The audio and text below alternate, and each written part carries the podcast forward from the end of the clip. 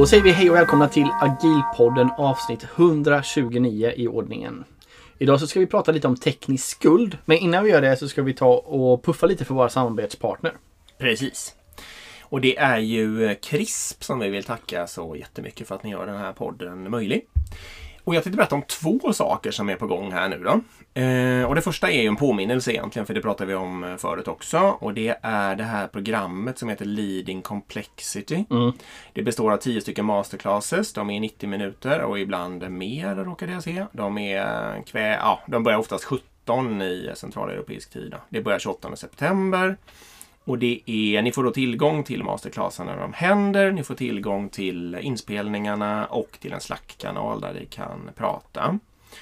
Eh, till exempel så hålls ju de där eh, av några av dina favoriter, då, Kent Beck och John Cutler. Ja, de har jag sett båda live. Ja, och lite roligt nu med att vi ska använda en bild av John Cutler strax i avsnittet. Japp. Eh, helt okorrelerat. Eh, jo, och där får ni också 10% om ni anger Agilpodden när ni anmäler er. Kul. Gör det nu. Mm. Ehm, jag tycker det är ett allmänt trend, eller problem i alla fall eh, där jag har varit.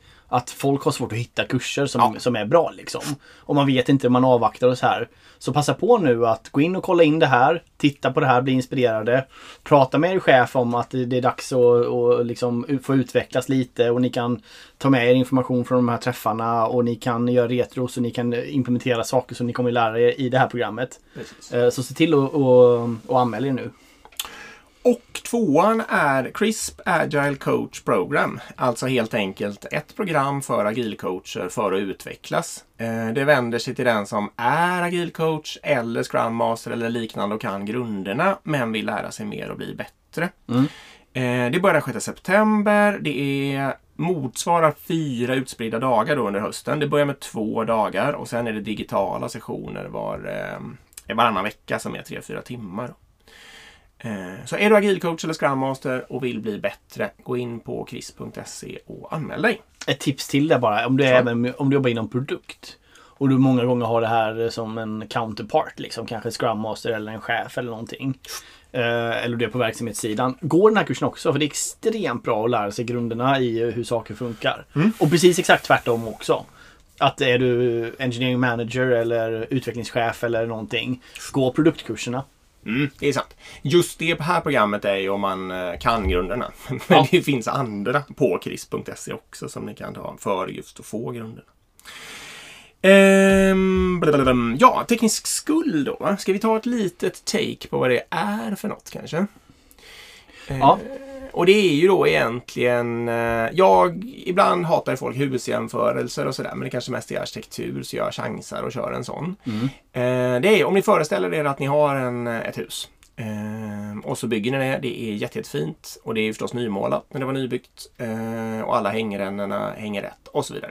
Och sen så går det 20 år eller 40 år liksom. Och ni inte gör någonting. Då kommer det vara ganska förfallet. Färgen kommer flagna och någon sån där ränna kommer hänga snett och så vidare. Mm. Och ni kanske kommer ha ett eh, 20 eller 40 år gammalt värmesystem då som kanske är liksom, ja, säg att det var för 40 år sedan kanske en oljepanna då i värsta fall eller något sånt där. Det kanske Mm. man inte vill ha idag. Och då kan man helt enkelt eh, som analogi tänka att teknisk skuld, eller att jobba med teknisk skuld är att hela tiden eh, underhålla det man har. Så att det blir både helt men även moderniserat då på en rimlig nivå. Eh, så att det funkar liksom för framtiden. Eh, Och en enda poäng till där bara också då, apropå husgrejen, att eh, på huset så syns ju de flesta. Det syns om färgen eh, flagnar och så. Vissa saker syns inte, men det mesta syns. Och då blir det väldigt intuitivt. Här borde jag nog göra något. Utmaningen med mjukvara är ju att det kanske inte, man märker inte förrän det liksom har blivit riktigt dåligt och stannar och sådär. Eh, men man får inte samma känsla av flagnande färg oftast på, på en mjukvara. Då. Exakt, och det är det som är det stora problemet och det är det som gör att eh, alldeles för få människor tar tag i den tekniska hälsan på de applikationer man jobbar med.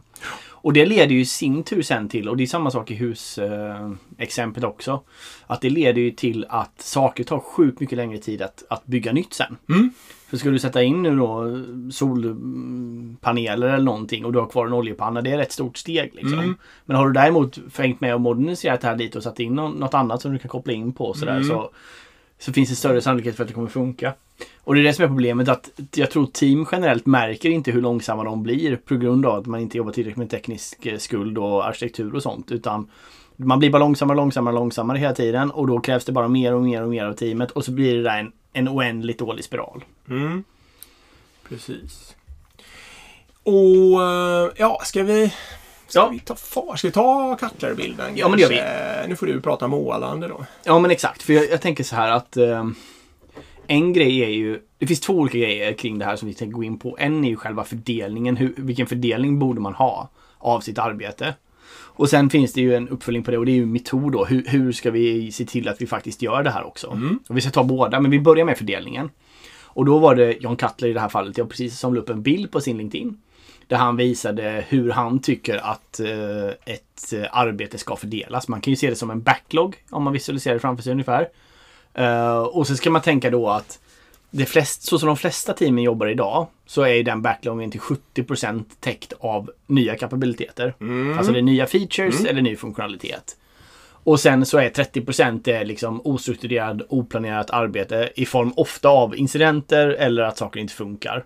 Alltså du får fel rapporter och saker. Alltså scenariot är väl lite att ni, eh, ni har startat upp eller ni har en ny idé eller ni har skapat ett nytt team eller något sånt där och kört ett litet tag. Då är det precis som du säger. Eh, 70% nya features, 30% så tar man hand om lite grejer och så tycker man att shit vad bra det går allting. Vi får ju ur oss massa nytt och vi får massa beröm och livet är gött liksom. Exakt. För, precis, för det som händer med, om vi fortsätter på tidsaxeln där då. Exakt. Det som händer är ju att eh, i slutändan så kommer det bli otroligt mycket tid som går åt att eh, hantera oplanerat arbete. Eller incidenter. Ja. Alltså majoriteten av tiden kommer komma det. Och sen så kommer det också vara eh, att hantera komplexiteten. Att, att ni kommer hamna i en situation där bara oj, vi måste göra någonting. Vi måste uppgradera Java-version eller någonting. Och sen då dessutom så vill ni fortsätta att bygga på nya saker eller förbättra befintlig, eh, befintliga funktioner också. Eh, men det kommer ni ha extremt lite tid till då om ni hamnar i den här situationen. Så helt enkelt tiden är att upp den stapeln som är liksom att hantera problemen, den dominerar hela arbetet till slut om man liksom inte gör någonting i tid. Då. Det är ju det som är hans tes. Exakt. Så hur borde man göra istället då? Exakt. Och då, eh, vi, vi tar hans idé rakt av. Jag skulle säga att det, det är fem saker. Så det är väl, och de är ungefär lika stora. Ska jag säga. Mm. Vi kan tillåta oss att säga kan vi- kolla upp han på LinkedIn sen så kan ni titta på Eller vi kan lägga den. Vi kan lägga den på vår Instagram. i- Precis. Kolla på vår Instagram eller på John Katt. Men för enkelhetens skull så tänker vi att ni ser en backlog framför er, en stapel. Och, och sen ser ni fem olika boxar i den stapeln och de är 20% styck då. Och det ni ska göra först då i, i fördelningsarbetet här då, det är att ni ska ha ett 20% block som är allokerat till ostrukturerat arbete, innovation eller eh, experiment. Just det. Och där är ju ofta då lösningen att man har en hack day. Mm. Men ska man ha 20% då ska du ha i princip en dag i veckan. Eh, om du ska kunna, eh, det är ungefär den tiden du ska lägga på att tillåta att innovation och hackdays sker. Sen då, en annan 20% block är att man ska lägga till nya kapabiliteter. Alltså det är ju helt enkelt featureutveckling, bygga nya saker. Mm. Och sen en annan 20% är eh, att man ska eh, utveckla befintlig funktionalitet. Och här får man ju tänka då att den här kan ju överlappa väldigt, väldigt mycket med att lägga till ny funktionalitet. Ehm, för det beror ju helt på. Det kan ju vara en feature som gör att ja, men vi har redan någonting och vi vill bygga på lite extra på den eller tweaka den så den också inkluderar några till fall. Eller så är det någonting som är nej, vi ska ha ytterligare en helt ny tab med massor med ny funktionalitet. Ehm, så de två ska ändå ta 40% ungefär av er kapacitet. Och det är väl rimligt för det är där of- många gånger man kan tänka att det kan skapas eh, värde. Mm. Mm. Sen då ska man ha en 20% blob för att hantera komplexitet. Och hantera komplexitet eh, kan man ju då definiera på olika sätt. Och det definieras inte i den här bilden utan det är vår tolkning. Men det handlar ju egentligen om ehm, hantera eh, buggar, hantera teknisk skuld, eh, alltså strukturera om arkitektur. Ja, vad, vad mer? Ja, jag tror faktiskt att buggar i hans bild är väl den där är den nedersta. Så det har han Det inte med där. Men han har nog, precis vad sa du nu? Arkitektur, teknisk skuld, alltså uppgradera grejer och laga Mm. grejer. Säkert även, tycker vi då, Agilpoddens officiella hållning är att man även ska använda den tiden till att plocka bort grejer. Ja, som inte används. Mm. Exakt, analysera sånt som inte används och pilla undan det. Liksom. Mm. Men för den delen även eh, typexempel på minskad komplexitet är om man ska förbättra integrationer eller liksom Mm. eh, koppla upp sig mot nya system eller koppla upp sig mot system på ett bättre sätt och sånt där. Det Och ni kanske vill dela en tjänst i två tjänster. Och, alltså du vet, så Ja. det är sådana grejer. Exakt. Så där ska man ha också ungefär 20% kapacitet till. Och sen precis som du säger då, sista biten är, då, då är det ju det här oplanerade arbetet sla- slash eh, incidenter. Ja. Alltså buggar, saker funkar inte och det måste ni ha tid och kapacitet för. Det ska sägas att de är inte riktigt 20% Nej. i bilden. och det men, men det är, ungefär, det är en bra tankeövning. Precis. Att, att ni borde titta på liksom i teamet borde ni komma överens ihop med produkt då eller ihop med verksamhet liksom. Vad är en rimlig teoretisk fördelning? Och man kan ju tweaka det lite beroende på sin verklighet. För det beror ju på vad man är som du säger i livscykeln. För jag menar om du är ett, helt, ett helt nytt team och gör en helt ny produkt. Då kommer du inte behöva hålla på med så mycket mm, mm, komplexitetshantering. Nej. Och eh, om ni nu är nyfikna då, de som är lite mindre i hans bild, det är ju den sista faktiskt, alltså incidenter och sånt. Och även den första då, innovationsgrejen. De, man kan misstänka att de har fått ett litet, en lite mindre tårtbit. Ja. Eller eh, fyrkantsbit. Ehm, men det viktiga är väl egentligen, alltså det som vi tycker är väl väldigt mycket att ni ska inte tro att någon av dem är fiffig och har som noll. Liksom, Nej. utan ni ska knöka till utrymme för allihopa i någon rimlig balans bara som ni uppfattar liksom funkar bra hos er. Ehm, för då kommer ni troligtvis få en hälsosam utveckling och liksom en hälsosam livscykel av den där produkten eller applikationen eller vad ni nu kallar det. Ehm, jag tror också att man får tänka på det här då att ja, det kanske ska glida det kanske är ett eget ämne. Eller ska jag glida över det? det, det om man visar en sån där, särskilt faktiskt som han har gjort den och så syns det att det bara är en femtedel som är Ja. en ny funktionalitet. Om man då har en omogen produktägarorganisation eller produktledning så kommer de ju bli eh, reflexmässigt vansinniga så att säga. Mm. Och då gäller det ju att kanske inte börja med att visa den här bilden utan börja mera utbildningsresan. Ta fart kanske i den där eh, till exempel husjämförelsen eller vad det nu är. Det här beror ju väldigt mycket på vad, ja, hur mogen er totalorganisation är och vad ni gör. Men att ha väldigt mycket respekt för det, för det låter ju då, kan ju låta som att oj vilket slöseri eller liksom Oj, men jag har ju eh, sju människor som jobbar här men det är bara två som gör funktionalitet. Ja, Mm. Alla de där liksom. Och då gäller det lite att ni har tänkt igenom så att ni har någon slags bra svar eller eh, redan har lyckats utbilda och skapa kunskap då i de här frågorna så att ni inte får liksom direkt försvars eller eh, negativ diskussion kring det. Då. Mm. Tycker jag. Men jobbar man eh, mera på något supermodernt och produktledningen har, kommer från utveckling och så vidare eller har massa utvecklare i sig. Då kan det vara en fullständig icke-fråga också förstås. Ja, och det huvudargument man får ha här är ju liksom att kolla att man optimerar för långsiktighet. Och man vet det liksom att du kommer inte kunna till slut bygga ny funktionalitet om du bara låter komplexiteten växa ohanterat. Eh, Det, det är en situation man kommer hamna i. Och det är det här som är problemet många gånger kanske att övertyga produktledningen Ja. av att varför ska vi ta kostnaden för att man ska kunna bygga den här applikationen om fyra år? För ofta mäts ju deras success kanske på det som sker på ett halvårs sikt. Liksom. Ja, Så så det, kan det vara. det, det, är, det är där det ofta det krockar och gör det svårt. Eh, men man får försöka komma överens om en plan. Och det... Ja, vill du säga något Nej, mer? kör du. För det, det för oss över lite på det här med liksom... eh, jag tycker ju man ska mäta det här. Så jag tycker ju Okej, att... ja, då vill jag säga en sak Ja. till emellan. Gör det. Nej, jag ska bara säga att jag har ganska mycket erfarenhet eh, i många, många år av svåra sådana här dialoger. Och jag ska bara skicka med som tips då där att eh, vänta inte. För det är så fruktansvärt frestande att äh, äh, men jag pratar inte om det här nu, de blir bara arga liksom. Och ju längre man väntar desto mer bygger man upp en förståelseskuld eller vad man nu vill kalla det för. Och då får man mycket, blir det mycket, mycket svårare och man kommer också vilja göra mycket, mycket jobbigare åtgärder. Så att om man liksom kan börja berätta om att det här fenomenet finns jätte- jättetidigt och sen börja smyga in liksom att okej, det här kommer drabba oss och vi måste göra någonting jätte- jättetidigt. Då kan man få en mycket, mycket mer positiv dialog och få det att funka. Liksom. Mm. Nu får du glida över på metoder som jag tror du skulle göra. Ja, ish. Jag tänker först gå in på lite liksom mätbitar. För Jag tror att det man ska göra är att titta på, man ska mäta vad, vad ni har gjort. Så titta på en tidshorisont till exempel senaste två veckorna eller fyra veckorna eller någonting. Och sen så kollar ni på er done column, allt ni har gjort liksom. Och så klassif- klassificerar ni de grejerna. Mm. Så varje ticket sätter ni en klassificering på. Är det här, är new är det här att addera ny funktionalitet? Är det här teknisk skuld? Är det här vad, vad det nu Vad är? det nu är, ja. Och så gör ni det och sen så kollar ni på ert, er faktiska fördelning idag. Eh, och då, ni får ju välja hur långt ni vill gå tillbaka då. Men jag inte så mycket behövs antagligen för att kunna se någorlunda då så här. Okej, hur ser fördelningen ut idag av de olika sakerna i klassificeringen? För då kommer ni kunna eh, inse eh, vilken, vilket nuläge ni har liksom. Och sen så kan ni diskutera den här teoretiska fördelningen. Måla upp de här 20% blocken.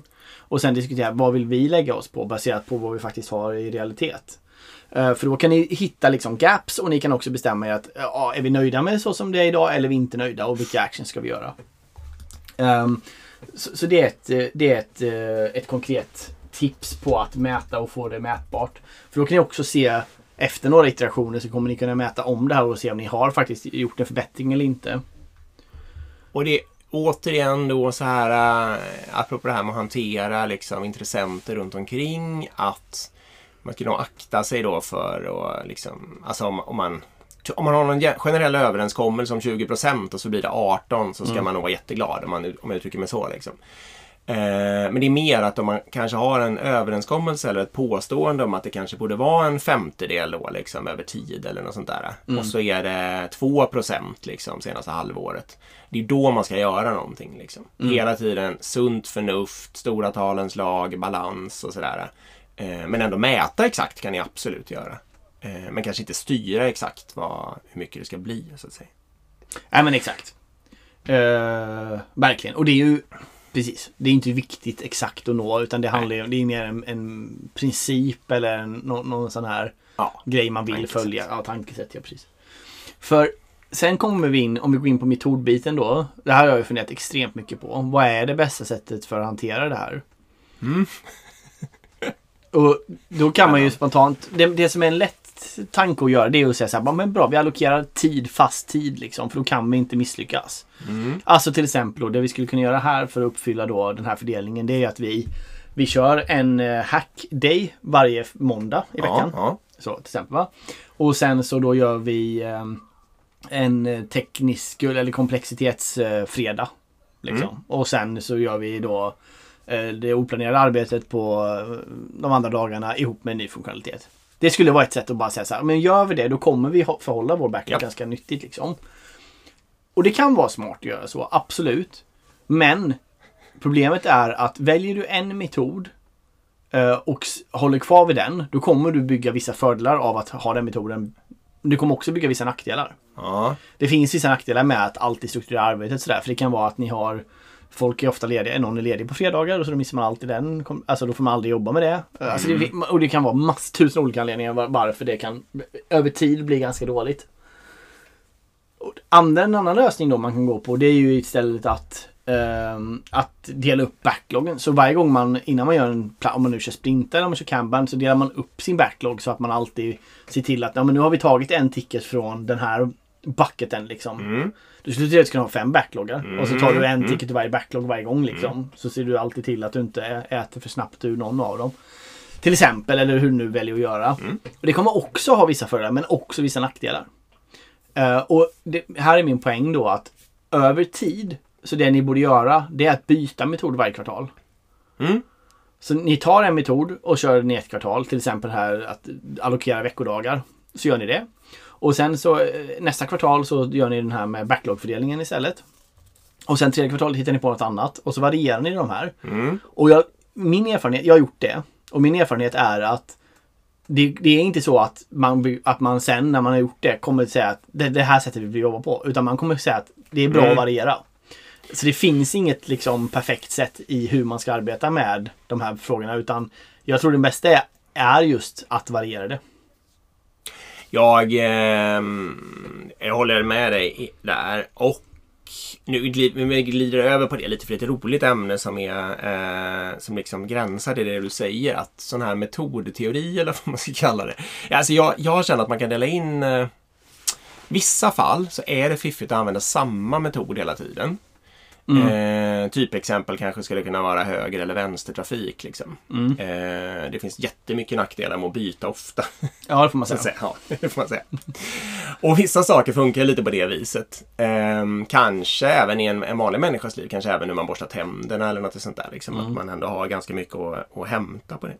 Men mycket annat och jag tror att gränslandet går lite hur mycket Alltså om man tjänar på att kunna göra det helt reflexmässigt eller om man hela tiden behöver putta in lite kreativitet och innovation i det man gör. Så att säga. För typexempel kan ju vara det du just sa, teknisk skuldmetod, men det kan också vara ja, men innovationsmetod förstås. Men det kan också vara mm, mät, vad ska vi mäta, hur ska vi mäta Exakt. och det här. Det, vet, det har vi pratat om massor av avsnitt, att det är dumt att fastna med statiska mätningar år efter år, för man tappar fullständigt intresset för dem. Liksom. Retro, samma sak. Ja, ja, retro, jättebra exempel. Mm. Exakt samma retrometod i tre år så kommer det kommer det inte alls kännas kul. Liksom. Så. Matlagning kanske och hamnar där. Mm. Troligtvis inte bra att använda exakt samma metod hela tiden. Det kommer inte vara kul att laga mat då. Liksom. Mm. Men kanske okej på någon, eh, alltså på frukost, standardiserat, gör livet enklare, alla barnen ska iväg. Där, Mm. där, liksom. Nej, så att tänk på det när ni väljer metoder både för teknisk skuld men även bredare så att säga. Att om det är en sån sak som behöver vara lite rolig och lite kreativ så är det bra att byta metod. Kanske metoden kan vara att byta en gång i kvartalet men ni kan byta det intervallet också. Ja men exakt. Exakt. Ja men exakt. Ja, men jag tror det. För jag har fått en fråga många gånger bara. Ja men hur ska vi lösa det här då? Hur, hur ska vi få in det på bästa sätt? Best practice. Ja lite så. Det, det, det finns inte då. Nej, i vår exakt. poäng. Eh, I alla fall inte i det här fallet. Det finns inte utan eh, försök att variera det. Och det är liksom, men det ni behöver se till och det är därför jag menar just det här med att mäta också då. För om ni ser till att variera metoderna i hur ni arbetar med de här sakerna. Mm. För ibland kan det vara också kul att köra en hack week till exempel. Mm. För då kanske man hinner jobba på någonting jättelänge och hinner verkligen göra något från ax till limpa. Medan en hack day kommer alltid vara uppstyckat. Mm. Ehm, så ehm, så se till att, att, att variera men se också till att mäta precis. För då, eh, då vet ni i slutändan om ni har lyckats med fördelningen eller inte. För det som är faran här det är att ni byter metoder lite hip- hipp som happ. Ja. Liksom. Mm. Men sen i slutändan så sitter ni fortfarande och gör 70% ny kapabilitet. Ja. Och 30% incidenthantering. ja, eller ni sitter och löser 70% incidenter i värsta fall. Ja. säg om ni har gått för långt det hela. Exakt. Eller så är ni någonstans däremellan. Exakt. Eller hur? Eh, så, så det är viktigt att ni reflekterar, att ni gör den här övningen, att ni klassificerar ticketsen när ni gjort dem och tittar på fördelningen och bestämmer er, är vi nöjda med den här fördelningen eller är vi inte nöjda med den här fördelningen? Och sen handshaker då den här teoretiska eh, nivån på var man vill landa. Det finns ju också sådana här, den här har du berättat om förut i agilpodden, men den här, eh, mm, du gjorde gamification någon gång på att lösa buggar. Eh, något bräde typ och en liten avatar som man fick flytta fram och sånt där. Det är ju ett annat bra exempel. Det skulle man ju inte tycka var kul. Det skulle inte behövas förhoppningsvis för att man kanske fixar de viktigaste buggarna på några sprintar. Liksom. Och det skulle det inte vara roligt efter flera år att sitta och flytta Nej, sin lilla avatar. Liksom. Men det är jätteroligt i, eh, i första veckan och i några veckor kanske. Ja, just den här var ju att vi skulle göra en ganska stor lansering och så hade vi en sån här bug bash Ja. sektion liksom. Att vi skulle bara hitta så mycket buggar som möjligt. Eh, och så hittade vi massa och sen bara oj vad det var. Då blev det tungt. Vad mycket Ja. vi måste lösa. Och då gjorde vi den här gamifieringen. Så precis exakt. Den metoden skulle ju bli svintråkig efter tre veckor. Ja, typ. Exakt. Eh. Men eh, nu ska vi se vad du nämnt nu här. Du nämnde mm, att plocka ur back, alltså plocka var femte skulle kunna vara en teknisk skuld-item till exempel. Du nämnde specifika veckodagar. Man kan köra hela sprintar om man vill. Ja. Om man, kanske inte om man har jättelånga sprintar, men om man har lite kortare sprintar så är det ju ingen dum metod heller. Liksom. Nej, det går ju. Eh, bara mäta. Man kan ha metoden att man, eh, alltså i sprintmålet om man har sprintar så skriver man vilken teknisk skuldfråga som målet är att lösa liksom Mm. eller förbättra eller något sånt där. Eh, så det är verkligen bara fantasin som sätter gränser och det är verkligen bara att ni själva ska hitta någonting som känns liksom bra och gör att det liksom blir naturligt och enkelt att, eh, att ta, vad heter riva av de frågorna. Ja, men exakt. Och sen tror jag ju det så här också. För om, om ni är i den här verkligheten vi pratade om i början lite. Att ni får inte alls med i verksamheten eller någon produktmänniska på det här liksom. Mm. Det är helt omöjligt. Då får ni ju bara till att fuska in det. Mm. Och det kan man göra på olika sätt. Liksom. För e- e- ett ganska smart sätt som jag varit med om att vi gjorde det var att eh, för att kunna checka in kod så hade vi en automatisk test som kollade om eh, testtekniken gick upp eller ner. Mm.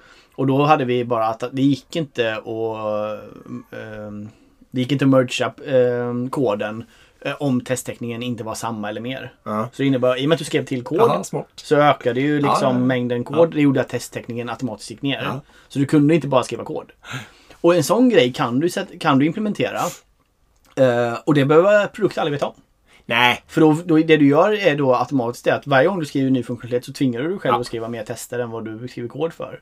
Och då kommer du, det där kommer gradvis öka din eh, procenttäckning ja. eh, rakt upp i taket liksom. Utan att du... Och då i, i, i realiteten så händer det, vad som händer då är att din backlog kanske blir 10% manage complexity. Ja. Men det är inte visuellt och ni behöver inte plocka hand om det utan det är bara något du kan säga att det, det är så, det, det, är, det är practice hur vi jobbar. ja, det är smart. Det är ju supersmart ju. Ja, jo. Ska jag, Ja, ja, ja, det tar jag med mig. Hoppas inga produktmänniskor lyssnar på det här. på mitt jobb alltså. Nej, exakt. Den ska in.